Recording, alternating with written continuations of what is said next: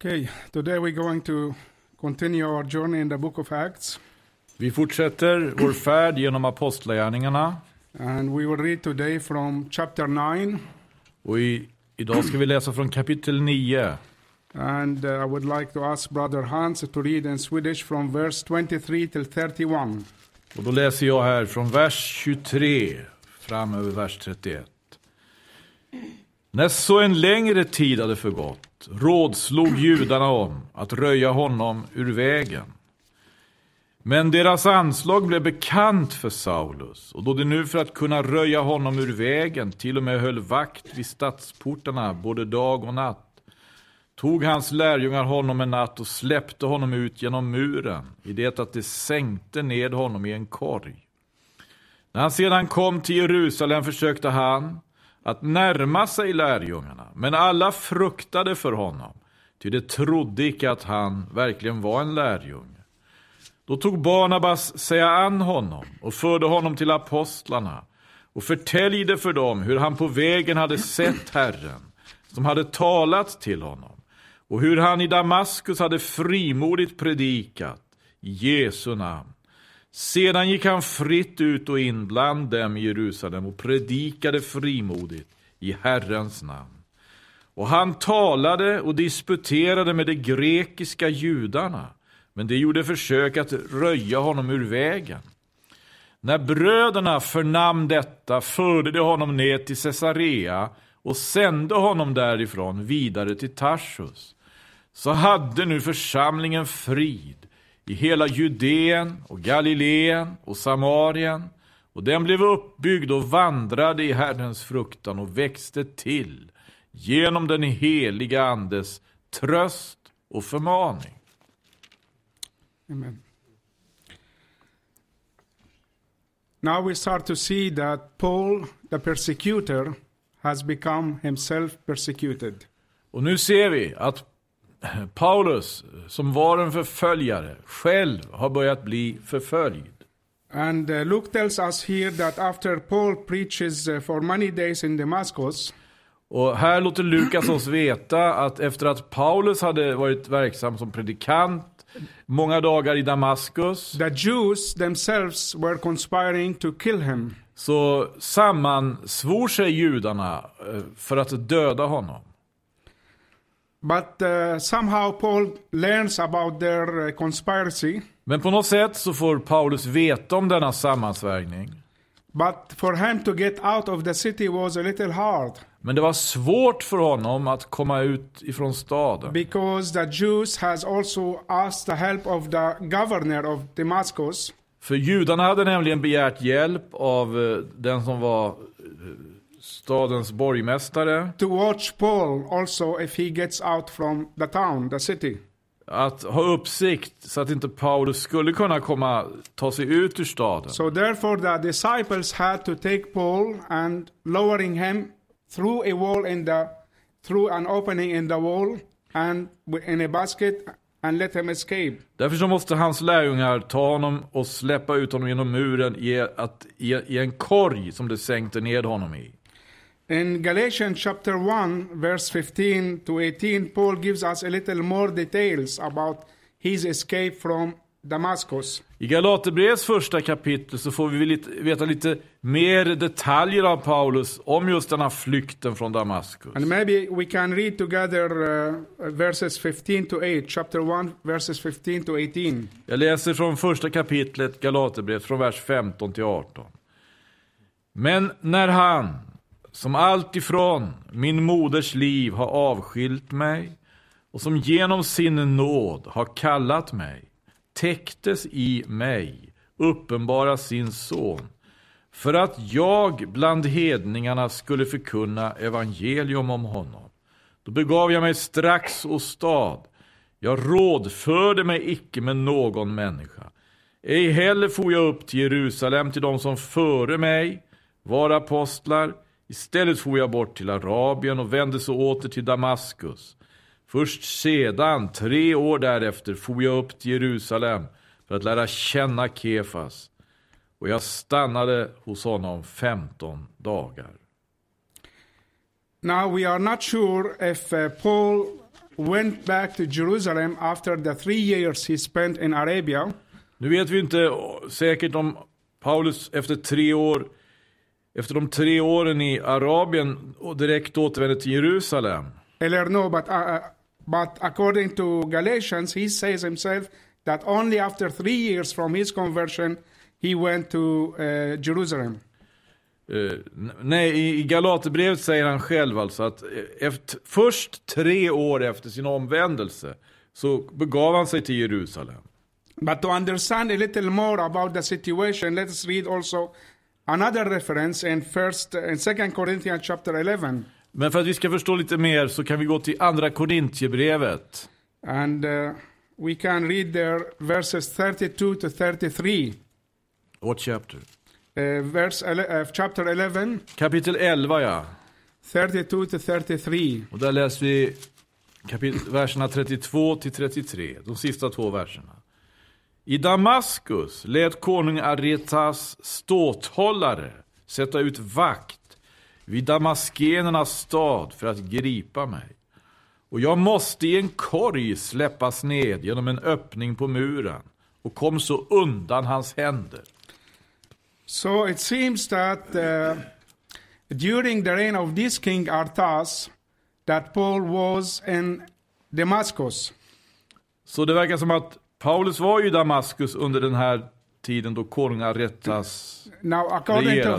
her- history, King Artas, the king of the Nabateans, Men i, i, enligt historien så den här konungen Aretas he had control over Damascus only for a very short period. så hade han eh, kontrollen över Damaskus bara en mycket kort period. Now, just to give you a little historical background, För att, för att vi ska få en liten historisk bakgrund.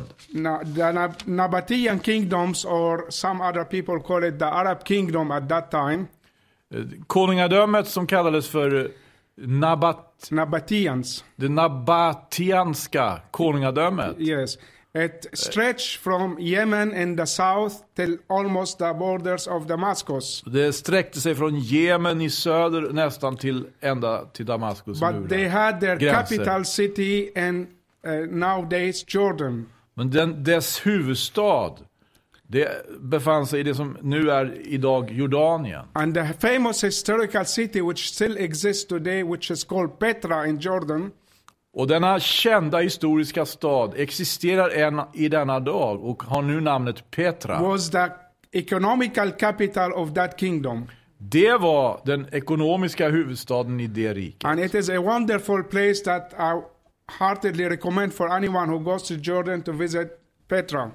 Och det är en upplevelse som jag kan rekommendera var och en som beger sig till Jordanien, att It besöka Petra. A city totally home in rocks in the mountains, Det är en stad alltså som är built in rocks. In, som, byggd i grottor i, i bergen. yes.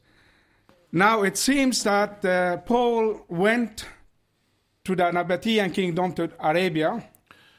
Eh, nu verkar det som att eh, Paulus begav sig till det nabatinska konungadömet, till Arabien. And it is only my conclusion, you know, you don't have to accept it. Och, och nu har jag, nu har jag min, min slutsats här. Jag, ni behöver ju inte acceptera det här. I, I believe that he was trying to preach the gospel there. Jag tror han försökte predika evangelium där. And now the Nabateans were pagan nation. Och nabatianerna, de var alltså, men finns det inget svenskt ord Jo, för det? hittade Nabaterna, nabaterna. Eh, de var alltså hedningar, Pagan, yeah. hedningar. And they built their whole economy, their whole fortune on trading with frankincense. Och hela deras ekonomi byggde på alltså att, eh, They trade frankincense att, de, att, de sålde, att de handlade med rökelse. because the Roman Empire consumed lot of frankincense. För det romerska riket eh, eh, brukade mycket rökelse. They needed frankincense for all the temples and all the priests that they had all over the empire. De behövde rökelse för, till alla tempel och till alla präster som fanns över hela imperiet. And the Nabatean had monopoly over that. Och nabatéerna, de hade monopol på detta. And they were, there- therefore they built all their riches on frankincense. Och de byggde upp hela sin ekonomi, hela sin rikedom på rökelse. So I would assume that Paul was in his, he was still young and enthusiastic in his uh, uh, uh, new faith. Och jag förmodar att Paulus, som ju fortfarande var ung och entusiastisk i sin nya tro, So maybe he was calling against these practices that we should not offer uh, frankincense to uh, uh, foreign gods, Kanske, så, kanske ropar han emot den här hanteringen. Han kanske ropar ut det här att vi ska inte använda oss av det här, vi ska inte offra någonting till främmande gudar. And of course, when he preaches that way, he touches a very central nerve of the economy of that country. Och när han predikar på det sättet, då, om, han, om han gjorde det, då skulle han ju naturligtvis då skulle han träffa en väldigt central nerv i det här, så att säga, riket. And therefore, Konungariket. therefore, that would explain maybe why the king of Arabia joined or allied with the Jews of Damascus in order to capture Paul. Det kanske kan förklara varför konungen av det här arabiska riket förenar sig med judarna i Damaskus i den avsikten att de skulle gripa Paulus. The Jews wanted him, and the Arabs wanted him because he was preaching a radical gospel. Eh, eh, judarna ville få tag i honom. Och eh, nabatéerna ville få tag i honom därför att han predikade just det här evangelium för araberna. He was radical in his approach. Han var mycket radikal i sitt sätt att eh, nalkas. And you will see later on, you know, even through his letters, that the more he grew up in his faith, the more wiser he become. Och så ser vi ju när han eh, växer upp, alltså att säga, han, ju mer han växer till i tron, desto mer växer han också till i visdom. And that's we will see also when he goes to Athens and see all these uh, idols uh, in the city of Athens. Det kan vi ju se också när vi kommer till eh, Aten med Paulus. Och när Paulus får se alla avgudar som finns i Aten. He adopts a different approach. You know, he doesn't attack, Då går han tillväga på ett annat sätt. Han attackerar inte. but in a wise way, he tries to pay the attention of the Athenians that he's preaching in the name of that unknown God. Men på ett, på ett ganska klokt sätt försöker han fånga atenernas uppmärksamhet genom att eh, utgå från det här alltså att det finns hos dem en föreställning om en okänd gud. So anyway, this is only my own theory. Och det här, nu, nu är det här bara min teori. Feel free to accept it or not. Ni kan acceptera ni behöver inte acceptera det. But the most important thing is that uh, Paul went to Jerusalem after three years. Men det troliga, det viktiga nu det är ju det att, att, att Paulus kom till Jerusalem först efter tre år. And there in Jerusalem, even the disciples at first were very suspicious of him. Och där i Jerusalem, så till och med lärjungarna, de var mycket, förhöll sig mycket misstroget i, i, gentemot honom. They didn't really, uh, uh, they were not really convinced that he is a true convert. De var inte riktigt övertygade om att hans omvändelse var uppriktig. They still remembered all the uh, fearful things and the terrible things he did to the Christians. De kom, de kom ju väl ihåg alla förskräckliga saker, alla ohyggliga saker som han företog sig mot de kristna. So it was hard for them to believe that he changed. Det var svårt för dem att tro att han hade förändrats. And also, maybe if he had changed and converted, Men om han också hade förändrats och om han hade omvänt sig, why he didn't show up for three years? varför dök han inte upp förrän efter tre år? So we see that there was a lot of, uh, of suspicion about him, even among the church in Jerusalem. Det fanns mycket misstro i, i förhållande till honom, till och med i församlingen i Jerusalem. So they were not yet sure about his motives. De var alltså inte ännu klara över hans motiv. But one of the brothers there come to his help. Men det var en broder där som kom honom till undsättning. And this brother we already met already in chapter 4. Och vi har ju mött den här brodern redan i kapitel 4. It's called Barnabas. Det är Barnabas. Barnabas, which means the son of encouragement. Barnabas som betyder eh, förmaningens son. He comes in and saves the day for Paul. Han eh, kommer nu till undsättning och hjälper Paulus. He brings Paul to the apostle and also try to convince him that he is indeed a true convert. Han tar med sig Paulus till apostlarna och han eh, går in för att eh, övertyga dem om att Paulus verkligen är en eh, sann lärjunge. He tells them about his conversion in the road to Damascus, Han berättar om hans omvändelse på about Damaskusvägen, his preaching in Damascus, om hans predikande i Damaskus, and about the attempt to assassinate him, to kill him. om försöken att s- röja honom ur vägen. And one would wonder why Barnabas was the only one that took a chance to stand beside this uh, uh, unknown man to the church, Paul. Och man kan ju undra vad var det som gjorde att Barnabas alltså, tog, fattade det här beslutet att han skulle ställa upp för denne okände på sitt sätt man då, Paulus. If, if you read uh, more about Barnabas in the book of Acts, you will see this stands in accordance with his own nature. Eh, vi, om vi läser mer om Barnabas ap- apostlagärningar så kan vi se det att det, det, det, sådan var han. Det var hans så att säga natur. He was really a man after the name that was given to him. Han var verkligen en man som, eh, som hans namn passade. He really was a man that encouraged people. Han kunde nämligen uppmuntra människor. especially people that were still young in faith. Särskilt sådana som var fortfarande unga i tro. Therefore, he took, up, took upon himself to uh, adopt Paul when he came to Jerusalem. Och därför så tog han på sig den här uppgiften att liksom adoptera Paulus då Paulus kom till Jerusalem. He had good, uh, maybe we can call it uh, discernment. Han hade alltså en god urskiljningsförmåga. He was able to judge the character of people. Han kunde bedöma människors karaktär. And uh, it proved always that he was right. Och han fick eh, oftast rätt då. And ironically, Barnabas will show that some kind of uh, uh, of encouragement to another person.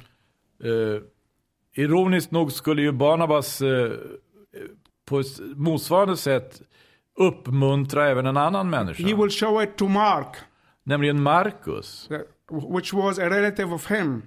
Markus var släkting till Barnabas. Even when Mark was rejected by Paul, Och även då när eh, Markus blev avvisad av and Paul Paulus. didn't want him to be with them in their uh, evangelical missions Paulus ville ju inte att Markus skulle följa med på missionsuppdraget. because he thought he was not mature, unworthy to be with them. Han menade nämligen att Markus var inte tillräckligt mogen, han var inte värdig att följa med. But Barnabas insisted to have him with them. Men Barnabas insisterade på att han skulle följa med. And therefore he separated from Paul and kept uh, uh, uh, encouraging and following Ma- Marcos. Och det här ledde ju till att de skildes från varandra. Och Barnabas fortsatte att vara med Markus och uppmuntra och förmana honom. And in the end, we will see that uh, uh, Barnabas was right Och till slut får vi ju se det att Barnabas gjorde ju rätt. because Paul himself later on says, Send to me Marcos because he is needful for me. Därför så småningom så skulle även Paulus vädja i ett brev. Sänd Markus till mig för jag behöver honom. So Barnabas was the man that always gave a chance to people to grow and mature. Så Barnabas, han var en människa, en, en Herrens tjänare som alltid gav människor alltså en chans att växa och mogna. And he became a very good friend of Paul in, he, in the beginning of his uh, missionary journeys. Och han blev mycket god vän till Paulus på hans missionsresor. And then we read that uh, during his stay in Jerusalem, Paul starts to speak boldly in the name of Jesus. Och så ser vi att så småningom eh, under sin vistelse i eh, Jerusalem så började ju eh, Paulus tala frimodigt i Jesu namn. And he debates with the Grecian or Hellenistic Jews, Och han eh, diskuterar där med eh, de som kom från Grekland, de hellenistiska judarna. which many of them were his own friends also, Många av dem var ju hans egna vänner. when he was still in Judaism. Medan han fortfarande var själv i judendomen. Because remember that he himself was also a Grecian a Hellenistic Jew. Kom ihåg det att han var själv tidigare en hellenistisk jude. And this is the very same group that Stephen himself preached to and was debating with. Och det var just den gruppen som Stefanus predikade för och diskuterade med. And this is the same group that led to the death of Stephen. Det var, det, alltså, det var den gruppen som orsakade Stefanus död. So, in a sense, Paul is taking the, uh, the work that Stephen began. Så på ett sätt så tar ju Paulus upp det, det arbete som Stefanus före honom hade påbörjat. And uh, the very fact that Paul appears before the Hellenistic Jews in Jerusalem Och det faktum att Paulus uppträder nu inför de hellenistiska, de grekiska judarna i Jerusalem. It's actually worse against them, witness against them. Det är ett vittnesbörd mot dem. Because they should ha- have been able to see that this man who was a very jealous persecutor of the church Därför de borde ha insett att denne man som tidigare hade varit en väldigt nitisk förföljare av de kristna. this one who, who was one of their own Han hade ju varit en av dem. Has totally changed Han hade för, förvandlats fullständigt. his mind his stand about jesus completely changed Hans sinne och hans ställ, stånd, ställningstagande i fråga om Jesus hade förändrats and the fullständigt. dramatic change in the life of paul should have been reason enough for them to wonder how did it happen Och den dramatiska förändringen i Paulus liv, det borde varit anledning tillräckligt för dem att börja ställa frågor, men hur är det möjligt? and they should have considered to follow the claims of jesus Och de borde faktiskt ha funderat på Jesu anspråk. but instead their minds were closed Men eh, nu var deras eh, sinnen blockerade. they refused to listen Och de vägrade höra. and as they have rejected stephen's testimony Och när de hade eh, först eh, avvi- avvisat Stefanus so vittnesbörd, they have rejected paul's testimony eh, till det lade de nu att de avvisade även Paulus vittnesbörd. and soon paul finds himself in the same situation like stephen Och snart befann sig Paulus i samma situation som Stefanus. he was under the threat of death Han var hotad alltså till livet. for we read that the Hellen- hellenistic jews tried to kill him För vi läser att de grekiska judarna, judarna gjorde ju anslag mot honom. It försökte döda honom. really strange to see how good friends from the old days become very fierce enemies Det här är after väl the conversion. ganska mm, märkligt egentligen. Hur de som tidigare varit goda vänner skiljs från varandra. His friends became his enemy Hans kill him. tidigare vänner hade nu blivit hans fiender. But thank the Lord for new friends that He gives us after salvation. Men pris ske Gud för nya vänner som han ger oss efter att vi har blivit frälsta. For we read that disciples, then His new friends, Vi kan ju nämligen läsa att eh, de här lärjungarna nu, de nya vännerna, when they learn about the plot to kill Paul in Jerusalem, när de fick höra talas om eh, sammansvärjningen för att döda Paulus i Jerusalem, they immediately took action and helped Paul to get out of the city very quickly då, and escape. då tog de direkt alltså eh, då, då gick de direkt till verket för att hjälpa Paulus att komma ut från Jerusalem. Yeah, and Paul, of course, also he gives us another insight to this. Och sen ger oss Paulus ytterligare i, i, insikter här. In Acts 22, I Apostlagärningarnas 22 kapitel uh, it tells us, as he was witnessing before the, the council there, he, Paul himself, says that this was the will of God for när, him to leave Jerusalem. när han eh, stod inför Stora rådet här så säger han ju att det var Guds vilja att han skulle lämna Jerusalem. He was in the temple and he sees a vision of the Lord Jesus. Han var ju i templet och där såg han en syn. Han såg Herren Jesus. In chapter 22, verse 18, he says, Och i, i kapitel 22 i den 18 versen så säger han The voice in the vision told him, Quick, leave Jerusalem immediately because they will not accept your testimony about me. Att den syn han såg och den röst han hörde sa till honom Skynda dig med hast bort ifrån Jerusalem, ty det ska här inte ta emot ditt vittnesbörd om mig. But uh, Paul tries little to argue with the Lord here. Men här försökte ju Paulus så att säga, eh, argumentera med Herren.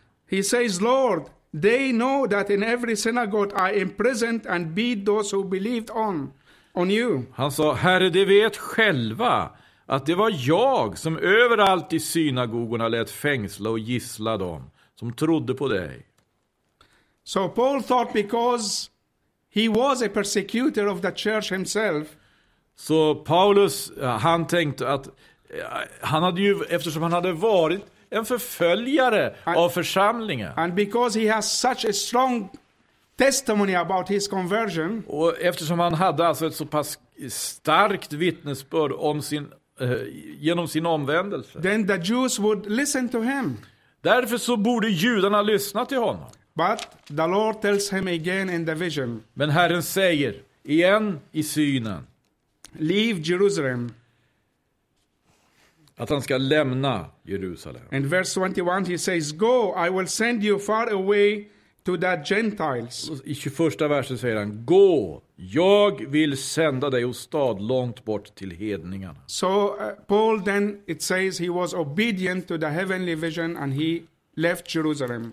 Och så säger Paulus vid något tillfälle att ja, han, var, han var inte ohörsam mot den himmelska synen utan han begav sig åstad, han lämnade Jerusalem. With the help of his new friends, as we have said. Med hjälp av sina nya vänner som vi har sett. And he goes to Tarsus, which is his uh, hometown. Och då beger han sig till Tarsus som är hans hemstad. That's where he was born and raised. Det var där han föddes och det var där han växte upp. And uh, he stayed there for a very long period. Där, där stannade han en ganska lång period. And uh, in Galatians, once again, it tells us that the second time he goes to Jerusalem was after 15 years. Och i Galaterbrevet får vi den upplysningen att när han andra gången, nästa gång besökte Jerusalem, då hade det gått 15 eller 14 år.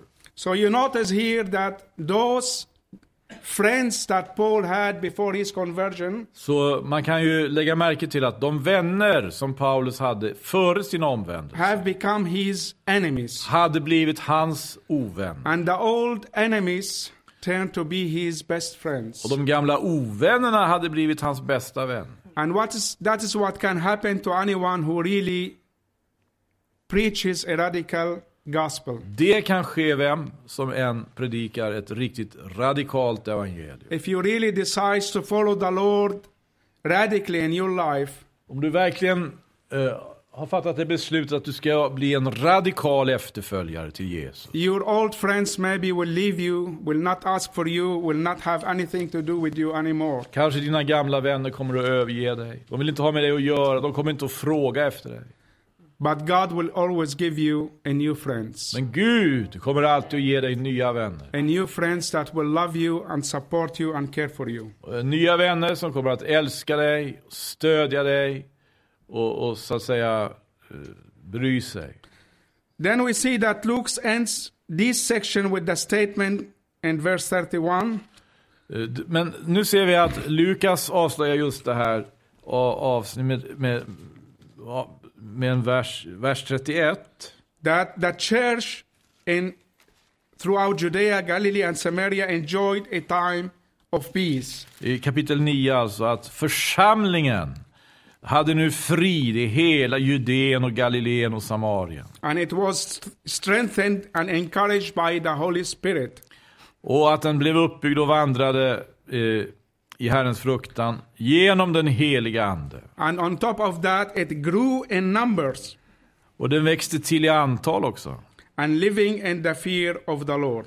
Levde i Herrens fruktan. So finally, good things come out of a bad situation. Så goda ting kan komma ur en, så att säga, i och för sig ganska dålig situation. The sad and troublesome situation that church that the church faced before the conversion of Paul Den, eh, eh, så att säga, den sorg, den tragiska och bekymmersamma situation som församlingen så att säga befann sig i innan Paulus omvändelse, it turned into victory. den, för, den vändes i seger. Victory for the church. Seger för församlingen. And what seemed to be a hopeless situation for them, Och det som tycktes vara en hopplös situation för dem, it was a reason for more hope in the eyes of God. det var en anledning till att hysa desto större hopp i Guds. And ögon. th- that's why the Bible constantly encourages us not to focus our eyes on circumstances, Och därför så är det, det är därför som Bibeln ständigt uppmanar oss att inte fixeras på något sätt vid omständigheter. not to focus our eyes on the things that we can see and hear, Att inte fokusera det med våra ögon med, som vi kan både se och höra. but rather to focus our eyes on God and God alone. Men eh, söka koncentrera oss på Gud och Gud en, alena. To have hope in Him. Att ha vårt hopp i honom. And He is the thing that we cannot see, but He is the sure hope that we can have. Han är den som vi inte kan se, men han är det fasta hopp som vi kan äga. The Bible encourages us to have that faith, that confidence. Och Bibeln uppmuntrar oss, uppmanar oss att ha en sådan tro, ett så, en, sådan, en så, sådan tillförsikt. Our God can change things even when it seems hopeless in our human eyes. Vår Gud kan nämligen förändra saker och ting även när det ser hopplöst ut för, för våra mänskliga ögon. No matter how impossible they may seem to us, Hur, spelar ingen roll hur omöjligt det ens ser ut att vara för oss.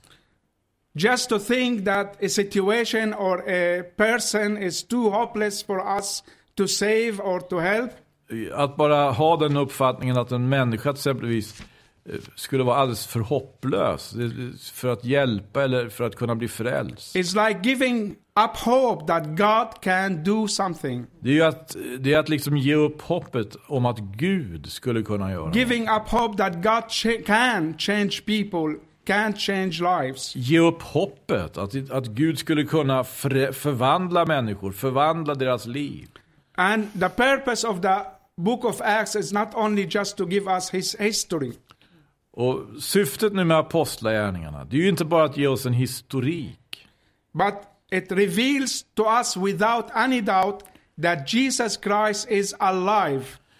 Men det uppenbara för oss, avslöjar för oss, utan att Jesus Kristus lever. He is not dead. Han, han är inte död. He rose from the dead Han uppstod and från de döda. went up to heaven Han for upp till himmelen. and he is alive and is everywhere where is his where his church is. Och han, är le- han lever och han är överallt där hans församling är. He is not silent and he is not weak, Han är inte tyst och han är inte svag. but he's still working and doing the same thing through his church. Men han är fortfarande verksam och gör samma ting genom sin församling. What he began to do in his earthly ministry when he was on earth, Det han började i- sina, i sitt jordelivs dagar, i den tjänst han hade på jorden. he continues to do through his church. Det fortsätter han att göra genom sin församling. And sometimes he is full of surprises. Och ibland så kan det innebära att vi, får, vi, vi, vi möter honom så som den som är full av överraskning. Nobody expected that this hard, tough man, Paul or Saul, would be ever converted. Det var ingen som förväntade sig att den här hårdingen, den alltså verkligt tuffe förföljaren Saulus, att han skulle bli omvänd. But God surprised all these pessimistics. Men Gud slog ju alla dessa pessimister med And häpnad. he showed that he had the upper hand on every situation. Och han visade ju att han hade alltså initiativet i varje läge. After the death of uh, Stephen, we read that a great persecution uh, arose against the church. Efter Stefanus död så kan vi läsa om att det, en, en stor förföljelse utbröt mot församlingen. And because of that, the believers were scattered everywhere. Och på grund av den så skingrades eh, de troende åt alla håll. And we also read that Saul was laying waste, was doing his best to capture the believers and bring them uh, captives to prisons and even kill them. Och vi ser att eh, Saulus, han var ju som bäst verksam då för att gripa dessa troende och fängsla dem.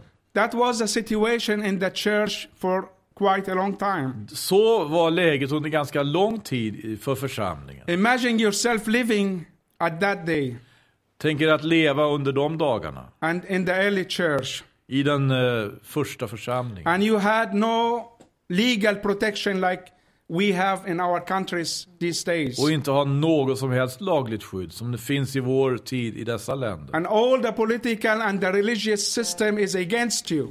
Men eh, hela det politiska och religiösa systemet är emot den. Would you not be tempted to lose hope Skulle man inte bli frestad då att förlora hoppet? and say, no, the situation is hopeless? Och säga nej, nej, situationen är hopplös. It's going to be like that and nothing will change it. Så här kommer det att vara, så här kommer det att förbli och ingenting kommer att förändras. And maybe you would tend to give up. Och du kanske har en benägenhet att ge upp. And you are more uh, inclined to be, uh, uh, you know, overcome by the power of evil than the power of God.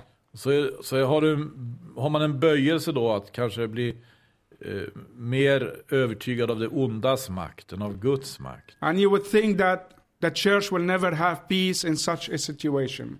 Och så tänker man att eh, så i sån här under, församling kommer aldrig kunna ha någon frid under såna här omständigheter. And that's the way we usually tend to be when we face hard situations for long time, long periods in our lives. Och så, så brukar det ju vara när vi möter svårt motstånd, långa perioder. We tend to be very pessimistic. Vi har, vi har en tendens att bli väldigt pe- pessimistiska. But the scriptures never encourages such an attitude in the believers. Men skriften ger inget stöd för en sådan hållning hos en It troende. never encourages pessimistic tendencies in us. Den uppmuntrar aldrig pessimistiska tendenser hos oss. Why? Och varför? Because Jesus is alive. Därför Jesus lever. He is alive and he is worthy of our trust. Han lever och han är värd vår, vår, vår förtröstan. And he has still the power to turn things around. Och han har fortfarande makten att han kan vända på saker och And ting. therefore, the Bible tells us have your hope in God. Och därför så lär oss Bibeln att vi ska, ha, vi ska hoppas på Gud. And the word in the Old Testament that they often use for hope Det ord i eh, Bibeln som de använder oftast för, för uttryck för hopp, It is kaveh, which means wait on God. Kave, vilket betyder att man ska vänta på Gud. Wait with expectation that God is going to intervene one day, one Vänta, time. ha en förväntan att Gud kommer en dag, kommer att snart gripa in. And that's what he proved to do. Och det är det han har bevisat sig vara In the right time, göra. when God chose, Jesus appeared himself in the road to Damascus to Paul. I, I den rätta tiden, som Gud hade så att säga utsett, så uppenbarades eh, sig Jesus på, på Damaskus Without any expectation, without any, uh, uh, any planning. Utan några som helst, utan att det fanns någon eh, förvarning eller planering. He meets this man, the leader of the persecution squad, Han möter alltså eh, den här mannen som ledde förföljelse. You know, Jesus could have dropped him dead, Jesus kunde ju ha eh, slagit honom med döden. but no, he did not cause his death. Men han orsakade inte hans död. He caused his conversion. Han, han orsakade hans omvändelse. And that was much more powerful than he would be dead. Det, hade, och det, var, det, det visade sig vara en mycket mäktigare sak det, än om han hade dödat honom. Because he become converted and he becomes a follower of Jesus Christ, the För- one whom he persecuted. Han blev verkligen omvänd och han blev en, för, för, en efterföljare till Jesus som han tidigare hade förföljt. And his life is completely turned around. Hans liv, det, det, det vändes helt upp och ner. From being the worst enemy of the church and Jesus Christ Från att ha varit den värsta fienden till församlingen och till Jesus Kristus. to the strongest advocate of the gospel of Jesus blev han Christ. den så att säga mest effektiva advokaten för evangelium om Jesus Kristus. And he was the most powerful missionary that the early church knew. Och han var ju den som var mest eh, kraftfull eh, missionsarbetare i den första församlingen. And ironically, the persecutor became the persecuted. Och ironiskt så, som det är, men den, den som tidigare hade varit en förföljare, han blev nu själv förföljd. The hunter became hunted. Den som tidigare varit jägare blev nu jagad. And the result of this amazing uh, turn around of things Och resultatet på, som följde på denna eh, oerhörda omvälvning is that the church all over Judea, Galilee, and uh, everywhere had a time of peace. det är att församlingen i Judeen och Galileen och Samarien och överallt hade frid. And they grew up in number and in faith. Och de växte till, både till antalet och i tro. And the fear of the Lord was among them. Och de hade Herrens fruktan i sig. You know, nobody could have dreamt that this could have happened, Ingen skulle kunna ha drömt om att det här skulle kunna hända. but it happened. Men det hände. And it happened suddenly without anybody expecting it. Och det hände ju plötsligt och oväntat. Out of the blue, Jesus turned the life of this man, Paul, Saul, and made him his follower rather than his enemy. Rätt från tomma intet så kom Jesus och omvände den här mannen och gjorde all, allt nytt. And that's really the message of the book of Acts to show us that Jesus can change things. Och det, det är verkligen budskapet i Apostlagärningarna, att visa att Jesus kan förändra saker och ting. That Jesus, though he is not physically on earth, but he is still working the same things he did when he was on earth. Jesus, även om han inte nu är fysiskt närvarande på jorden, så är han i stånd att utföra samma saker som när han då var på jorden. He is turning things around. Han vänder saker och ting helt och hållet. He changed the life of people. Han förändrar människors liv. Pagan nations become followers of Jesus. Och det som tidigare var hedningar, det blir efterföljare åt honom. He changing things, Han förändrar saker. and people become a number to know him and to follow him. Och människor eh, kommer att vilja lära känna honom och följa honom.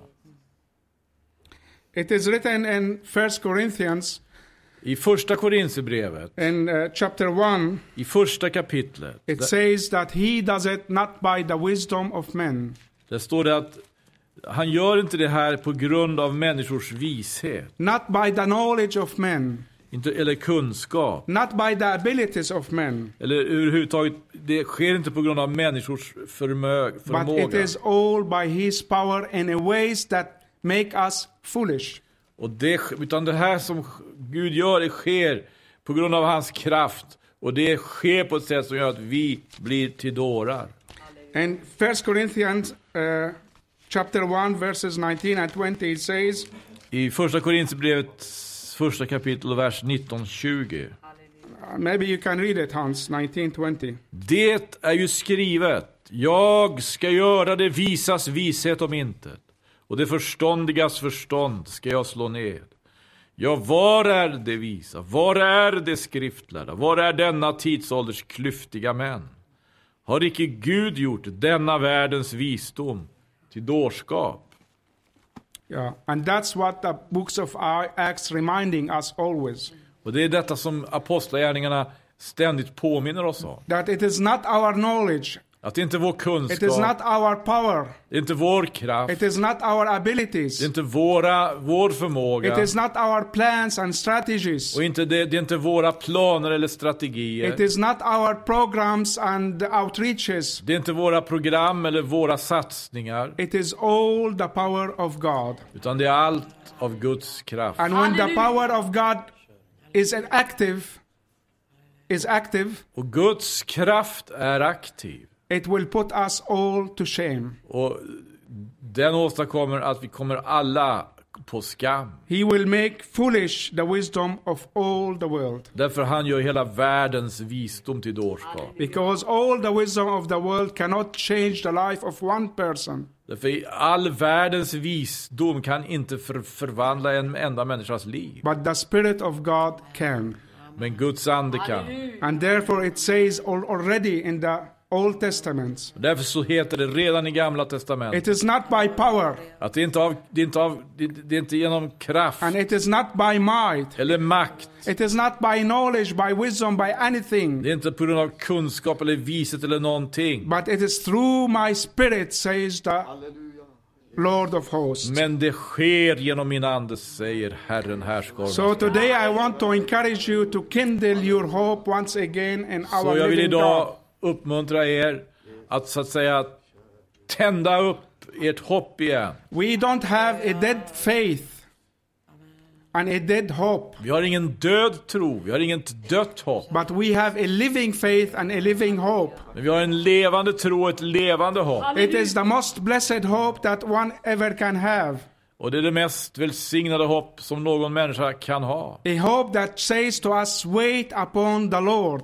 Ett hopp som talar tydligt till oss om att vi ska vänta på Herren. Don't look at the situations around you. Att inte se på situationer Don't look omkring at the circumstances that makes you maybe more pessimistic. att, inte, att vi inte ska se på omständigheter som stämmer oss i pessimistisk riktning. But hope in God. Men ha vårt hopp For i Gud. he is alive and his power is still in action. Därför han lever och hans makt är fortfarande verksam. Halleluja! Jesus turned Paul the persecutor to a follower of him. Jesus förvandlade Paulus, som var en förföljare, And till att han blir en Jesu efterföljare. He sent him to preach out to the whole world. Han sände honom för att han skulle predika för hela världen. And then Jesus stops the persecution against his church. Och sen sätter Jesus själv stopp för förföljelsen mot församlingen. And he turns that time of hardship and difficulties into a time of peace. Och han vänder på saker och ting så att tiden som var en tid av svårigheter och prövningar And- blir en tid av frid. And the result was that more people turned to the Lord Och resultatet av det blev att ännu fler människor kom till Herren. because they witnessed and saw what the Lord is able to do. Därför de kunde bevittna och se vad Herren var mäktig att göra.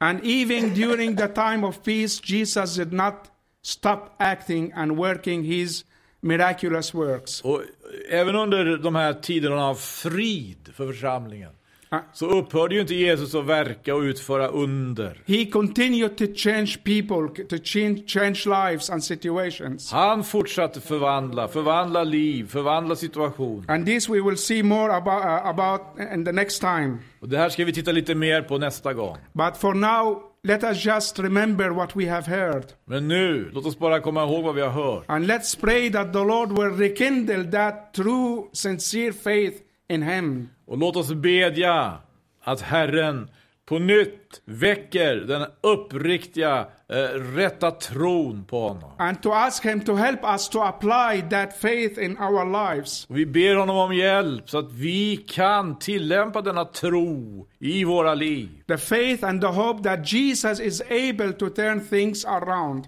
Den tron och det hoppet att Jesus förmår vända saker och ting fullt och helt. The faith that says Jesus is alive, Den tro som säger att Jesus lever. but He is not only alive, He is a sovereign Lord. Ja, men han inte bara lever, han är suverän Herre. He is in charge of everything.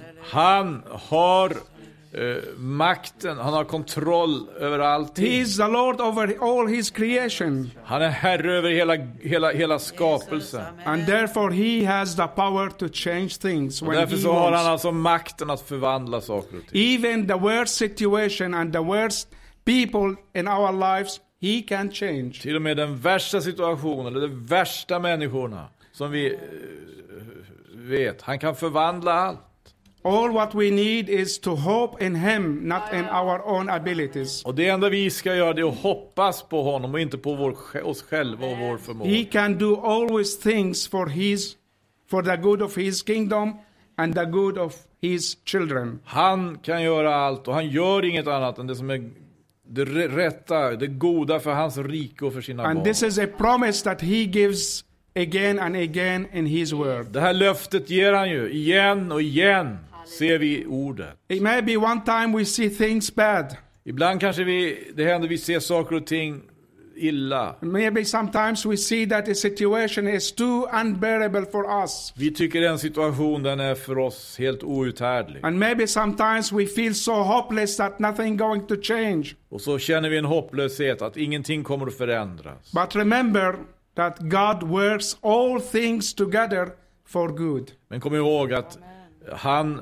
verkar, och hans sätt att verka det är att allt samverkar till det bästa. All your bad situation, all your bad circumstances will turn for your own good Alla de situationer som är det är illa ställt med, och alla de omständigheter eh, som är negativa, de kommer att kunna förändras till det bättre. And this is a hope that we should grasp very tightly and hold to Det här hoppet ska vi verkligen se till att vi får tag i och håller fast vid. Because then we will never lose hope. Då kommer vi nämligen aldrig att förlora. We will already know that God is in charge. Vi kommer alla att veta det att Gud, ha, ha, han And har makten. He is always able to change things for our own Han är alltid i stånd att förändra saker och ting. As it says in Romans 8:28. Som det står i Romarbrevets åttonde kapitel och vers 28. And we know that in all things God works for the good of those who love him, who have been called according to his purposes. Men vi veta att för dem som älskar Gud samverkar allt till det bästa.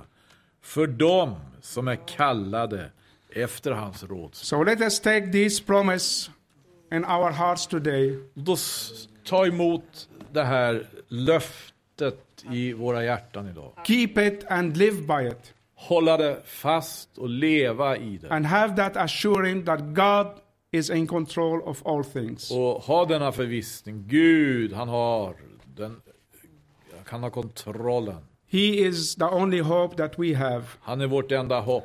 and he is a hope that never disappoints. Och han är ett hopp som aldrig slår fel. Let's pray together. Bedja. Our Heavenly Father, we want to thank you once again for all the lessons that you teach us from your word, Lord. We want to thank you, Lord, that you always want to point us back to you, to your Son Jesus Christ, that he is alive and living and able to do mighty things. He is the same yesterday, today, and forever. We want to thank you, Lord, for the living hope that you give us a hope that you will never disappoint. We know, Lord, that you are able to fulfill all your promises and you are able to do all what you said that you will do. And therefore, we pray, Lord, that you will help us, Lord, to regain the faith that we have lost in your promises, and that you will help us to rekindle the hope that we have weakened in our lives. And help us, Lord, to focus our eyes on you and hope on you, wait for you, knowing that you are in control of all things. Lord, you know the problems and difficulties that we have in our lives. Each one of us, each family has problems, has difficulties in different areas of their lives, Lord. And we pray, Lord, that you will take care of these situations, Lord, and that you help us to grow through them all, Lord, that we will become better children and better followers of you, so that in all these things we will be more than conquerors in your name, Lord. We pray for your honor and glory in Jesus' name. Amen.